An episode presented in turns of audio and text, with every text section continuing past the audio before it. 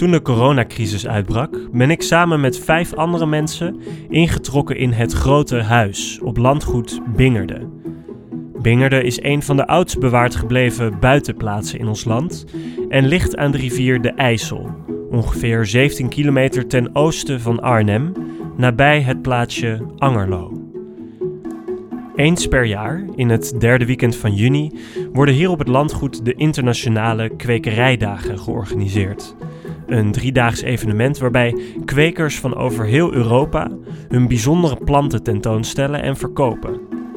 Tuinliefhebbers uit Nederland, België en Duitsland komen deze vervolgens bewonderen en aanschaffen. Helaas zijn de kwekerijdagen dit jaar afgelast in verband met de coronacrisis. Maar niet getreurd. Middels deze podcast hopen we jullie, de luisteraars, de komende maanden mee te nemen in wat er zoal op het landgoed gebeurt.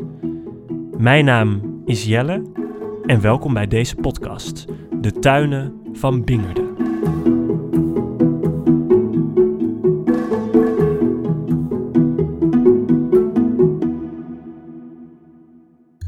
In deze eerste aflevering komen we wat te weten over de geschiedenis van de beroemde tuinen. We praten onder andere met Jan en tot slot maak ik een romantische wandeling over het terrein. Ik loop door de tuin met Jan de Boer en Janine ten Hoorn. Jan is hoofdtuinman van Bingerde en Janine is tuinontwerpster en adviseert Bingerde over de instandhouding en ontwikkeling van de borders in de tuin. En op hoeveel procent is de tuin nu, de Happy Border? Nou ja, periodes dat die- inderdaad, die dit is nu Ja. op zijn hoogtepunt. Ja. Dus Ja. die is straks weg, maar dan heb je Ja. nog wel dat blad staan. Ja, precies. Maar- Maar een, maand geleden stonden alle tulpen hier in bloei. Ja, de Queen dat of is waar. Night, de Black Parrot. En dat was ook Oh, een ja. prachtig plaatje. Dus dan zie je dat frisse groen, fris uitlopende planten. Mooi groen. Met die tulpen daartussen. Dat Ja. is ook een heel mooi, eh, Ja. mooi. Dus je hebt eigenlijk per, per maand vanaf de lente tot en met de zomer gewoon andere planten die eigenlijk de kop opsteken Ja. En, eh, Ja. Ja. en bloeien. Nou, dat, dat is het eh, ingenieuze van de borders, alle borders. Het is natuurlijk een puzzel van planten ehm, die eigenlijk het hele seizoen door interessant moeten zijn of in ieder geval elkaar opvolgen. En eh, ja, dat moet je combineren met elkaar. En dan heb je bladvormen die verschillen, Hmm. bladkleuren die verschillen, bloemkleuren die verschillen, bloemvormen die verschillen, hoogtes die verschillen. Het is een waanzinnige puzzel. Ja, Een superleuke puzzel, Ja, maar dat puzzel. is niet wat je even doet. nee. En Terwijl we door de tuin lopen om te kijken of er eventueel planten aangevuld moeten worden in de borders, vertelt Janine een verhaal over Kiftskate. Kiftskate is een beroemde Engelse roos vernoemd naar een tuin waar Janine een keer geweest is. ik weet nog, ik ben op Kifkees geweest in die, in die tuin en Ah, zij ja. leefde toen nog. Ja. En toen zat zij achter haar tafeltje en daar kon je dan de Kifskate kopen. Want Ja. die was daar in, in zo'n rode beuk die nog nou ja, anderhalf keer zo groot was. En daar zat hij helemaal in de top. Dus iedereen, en dan bloeide dat ding en dan was iedereen, ik wil ook een Kifskate. Maar dan vroeg ze, ehm, ja, eh, niet om het een of het ander, maar hoe groot is uw tuin? Nou, en dan moesten die mensen, die dat was best gênant, want dan moesten ze zeggen van, sommigen hadden natuurlijk een postzegeltje, maar die wilden per se een Kifskate. En als ze dan zeiden van, nou ja, ik noem maar wat, 100 of 200 vierkante meter, nee, u krijgt geen Kifskate van mij. Gewoon om die mensen te behoeden voor de grootste ellende die je kan Ja. bedenken. Oh ja. Omdat het, kijk hier is hij nog inderdaad wat jij ook zegt, ik hou me enorm in bedwang. Ja. Maar als je bij wijze van spreken, hij zou in de top zitten Ja. als je even niet zou Ja. kijken. ja, en dat zou doodzonde zijn, zo'n ro- zo'n rode beuk natuurlijk verschrikkelijk. Ja. Tuurlijk. Want het is een plant die uit... Een roos. Nee, nee, het is een klimroos die gewoon tegen de eh, Ah. gevel aanstaat. Maar deze Ierse taxis, die eh, is nu eigenlijk een beetje een soort de kapstok geworden voor. Ja, op zich heel geestig. Dat Ja. twee ogen en een mond en dan heeft hij haren eigenlijk. Je kunt ook het is eigenlijk een beker. Hè. Er wordt ons een beker geknipt. Je kunt ook zeggen van nee, Ja. de beker loopt over. Ja, een vaas. Een Ja. vaas. Bloemenvaas. vaas voor de Ja. kipskate. Een bloemenvaas. Ja. Bloemenvaas. Ja. De tuinen zijn aangelegd in 1791 door John Philippe Post in de Engelse landschapstijl. Ik spreek met een van de drie eigenaressen van het landgoed, Margriet, over die periode. Waarom koos meneer Post voor de Engelse landschapstijl? Het enige wat ik kan zeggen is dat dat een, eh, dat dat een ontwikkeling was in, de, in de cultuur. eh, en dat het een mode was. En dat het, het was ook het, het, een, een, een afwijking van het stijve Franse. eh, met die heggetjes en de, en, en, en de plantjes in, in perkjes. Eh, het, eh, het is het begin van het, eh, van, de, van het romantische tijdperk. Het, het, wandelen door een landschap en dat je verschillende, verschillende sferen creëert. Dus als je komt dus hier bij ons bijvoorbeeld, kom je in een tuin binnen en dan heb je heggen en, en, en borders. En dan is dat is een, gesloten geheel. En dan ga je door een, heg, door een hekje. En dan kom je op een heel open veld. En, en dan heb je eh, wat ze noemen vista's. Dus je hebt vergezichten van links en van rechts. En dat is best wel eh, uniek nog in Nederland. Omdat alles natuurlijk in Nederland door, door wegen of door spoorwegen of door allerlei of verstedelijking zijn die vis- vista's verdwenen. En als je bij ons goed kijkt, dan zie je kilometers verderop een, een eik staan die bijvoorbeeld eh, daar geplant is voor, Voor het uitzicht. voor het uitzicht. En dat noemde de Engelse borrowed landscape. Dus je, je, je, je, leent eigenlijk het, het, het uitzicht eh, uit, de, uit de vechten. Ja, en eh, bij ons is er ook nog een, een, een meanderende gracht gegraven met eh, de, de, de, de, de aarde van die gracht is gebruikt om een bergje te maken. Dus je hebt allemaal verschillende sferen. Dus als je gaat lopen, je gaat wandelen, dan heb je een besloten sfeer, heb je een open sfeer. Het is heel romantisch. En eh, nou ja, dat was heel erg eh, eh, in ontwikkeling en, aan het einde van de 18e eeuw. We zeggen altijd tegen elkaar dat het ongelooflijk knap geweest moet zijn van zo iemand om dat zo te doen. Want die heeft natuurlijk nooit de tuin in, in zijn volwassenheid gezien. Dat, dat kan niet. Je legt een, een park aan Ja. en, en, en dat is met kleine boompjes. Dus waarschijnlijk heeft hij dat, heeft hij dat nooit in zijn geheel gezien. Nee. Nou, we laten we hopen dat ehm, we andere kansen krijgen en dat we weer terug kunnen komen in een andere, in een andere, eh, als een andere persoon. Als je denkt dat Post misschien gereïncarneerd is en In mijn moeder. is gaan kijken. En dan een gek, vertel ik je een gek verhaal. Mijn moeder, die, eh, die, dus, eh, in, die dus getrouwd is met mijn vader en die Bingerde verder niet kende. Toen ze hem ontmoette in 1956, geloof ik, toen kwam ze hier voor het eerst. En toen had ze een déjà vu eh, ervaring. En eh, zij heeft in de loop der jaren, beginnend ongeveer rond de jaren 80, is heel erg gaan werken in die tuin. En eh, wat ze ook had, is dat ze op een hele natuurlijke manier, als ze groepen rondleiden, had ze een, een speciale weg. En dat bleek ook een weg, ook, ook een, een route te zijn die, die, die post had, eh, had geïntroduceerd. Dus het is ook een natuurlijke eh, weg die ze, die, die ze genomen heeft, intuïtief. En het is een grapje natuurlijk, maar het zou, stel, stel dat, dat, we, dat we andere kansen krijgen, dat, dat er een reïncarnatie bestaat, dan is dat natuurlijk helemaal niet gek. Er beginnen steeds meer bloemen tevoorschijn te komen. Kale boomskeletten krijgen langzaam wat vlees op de botten. De tuin begint te leven, te ritselen. Ze kleurt langzaam groen. Uh, vertelde dat eh, ergens ook het idee is dat, dat je hier kan verdwalen. Zowel eh, letterlijk fysiek als mentaal. En dat, dat daarom Ja. je loopt door een haag of door een, een, eh, een poortje. En opeens ben je in een totaal andere Ja. soort tuin bijna. Dat, Ja. is, dat gebeurt natuurlijk ook vooral hier met het open veld. En, eh, Nou, dat is natuurlijk wel de kunst van het tuinontwerpen. En dat je als tuinontwerper eh, eh, eh, een soort kamers creëert. die elke keer weer, weer, weer versteld doen staan van, oh, dit is er ook nog. hmm, Dat je niet het totaalplaatje in één keer ziet, want Mhm. dan is, het, is het de verrassing eigenlijk weg. ja. Maar dat je door een poortje loopt of door een muur of door een haag.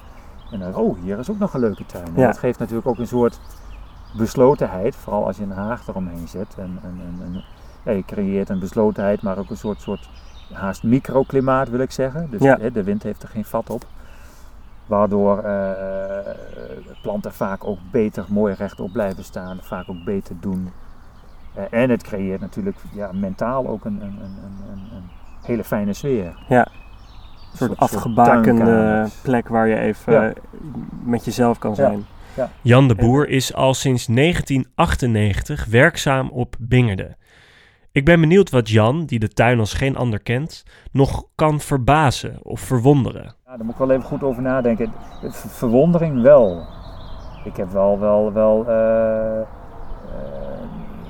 soms momenten in het jaar en dan loop ik door de tuin en dan zie ik, dan is de tuin bijvoorbeeld heel erg mooi verhuld in mist. Eh, dan krijg ik wel een idee van, oh, ik ben hier alleen op de wereld bijvoorbeeld. Hè. Die mist, je hoort niks, je hoort geen geluiden. Het is net in een, of zit je in een soort kamer, helemaal afgesloten, je hoort geen verkeer. Eh, dus dat, dat geeft, je, het geeft mij dan wel een, een, een, ja, een, een vorm van verwondering en van een, een soort van, oh, wat, wat is het hier toch, toch fijn en van wat heerlijk. En dan, eh, en een ander moment is bijvoorbeeld als, als ochtends vroeg net, net, net de zon opkomt, eh, het is nog een beetje schemerig. eh, je hoort de eerste vogels net fluiten. het, zijn allemaal van die kleine momentjes die, ja, waar, waar ik heel veel van geniet ook. Het is niet alleen, alleen planten, want ik denk dan is het ook niet vol te houden als je continu alleen maar met je neus in de planten zit. Ja. Kan ook, maar en verstand op nul. Maar ik hoor zoveel dingen om me heen. Ik hoor gewoon vogels en, en, en, en de tijd vliegt soms voorbij. Ik denk, oh, de dag alweer voorbij. Hm. Eh, maar dat maakt ook het totaalplaatje zo mooi. Dus, dus, dus alles, de natuur, de planten, de vogels, de dieren. Eh, gewoon de zon, de zon op je hoofd, lekker eh, op je armen. Je krijgt een lekker kleurtje, je voelt je gewoon happy, veel vitamines. Hm. Dus alles bij elkaar is gewoon, gewoon heerlijk. Ja. Terwijl ik met Jan en Janine door de tuinen loop, valt me op dat ze vaak over de planten praten alsof ze gevoelens hebben. En hij doet eigenlijk niemand ehm, ja, kwaad. Hij mag er ook zijn, alleen ik... Hij Ja, laat zich zien, hè? ja, die moeten we kort houden. Ja, dat is prima. Dat is geen concurrent of zo. Uiteindelijk kan ik het niet laten om te vragen: Hebben planten emoties? Gevoel. Dat is een heel mooi bomenboek van eh, die, die, ehm, die Duitse- Duitse bomenman. Ja. Als je dat leest. Dat, nou, dat is de antwoord op jouw vraag. Het Hm. is eh, eh, eh, planten, en dat, dat is het grote verschil. Dat vond ik heel interessant om te lezen. Dat eh, planten die hebben zeg maar zintuigen, dezelfde zintuigen als dat wij hebben. Alleen wij hebben iedere zintuig in één orgaan. Hè? Een oog, een neus, een mond. Ehm, hè, om die geur is gebundeld in één element.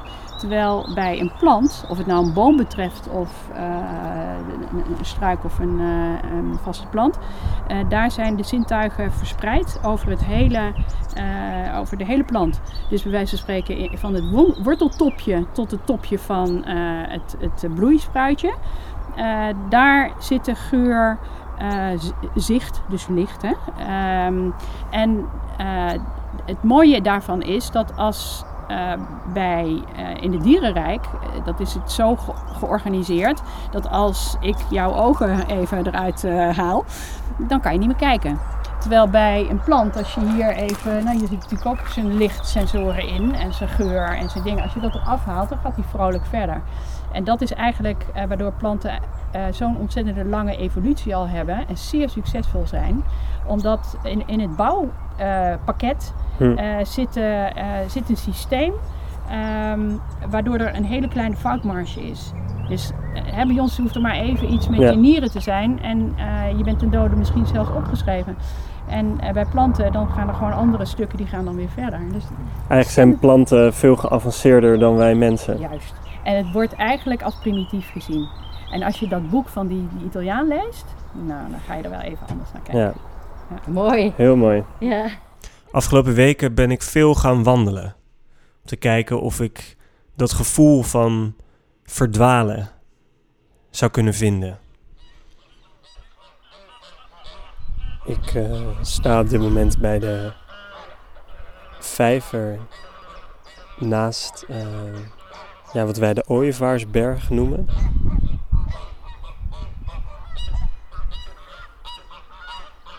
Het is echt een drukte van je welste.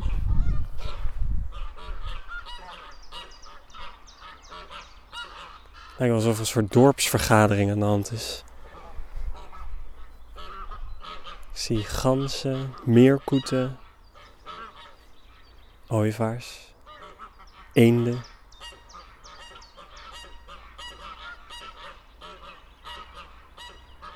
Het zijn heftig in discussie.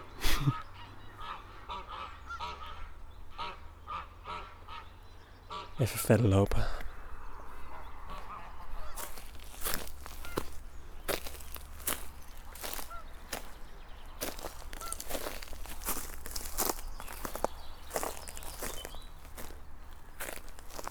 Het zijn echt gro- grote, grote dieren. Ooievaars.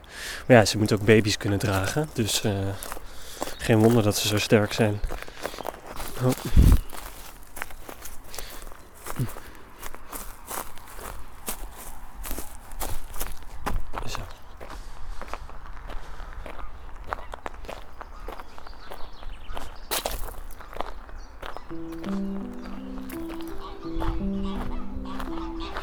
Je loopt hier naar het verhaal van Margriet over dat meneer Post alles heeft geplant en gezaaid zonder dat hij het ooit heeft kunnen zien. Dat is echt ongelooflijk. Je loopt hier echt rond met een. een. ja, soort gevoel van. Ja, het is een hele bijzondere plek. Ik kan het niet goed uitleggen. Ik wou dat hij het had kunnen zien. Eindresultaat. Dan was hij denk ik wel eh, hier komen wonen.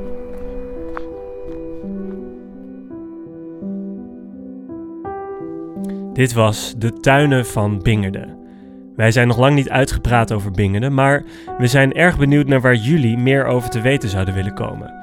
Dus heb je nou een vraag of een opmerking of wil je gewoon een complimentje geven? Laat hieronder dan een reactie achter of stuur een berichtje naar bingerdepodcast.gmail.com. Alle planten, boeken en bronnen die genoemd zijn in de aflevering vind je in de show notes onder de podcast. Hopelijk zien we jullie terug bij de volgende aflevering.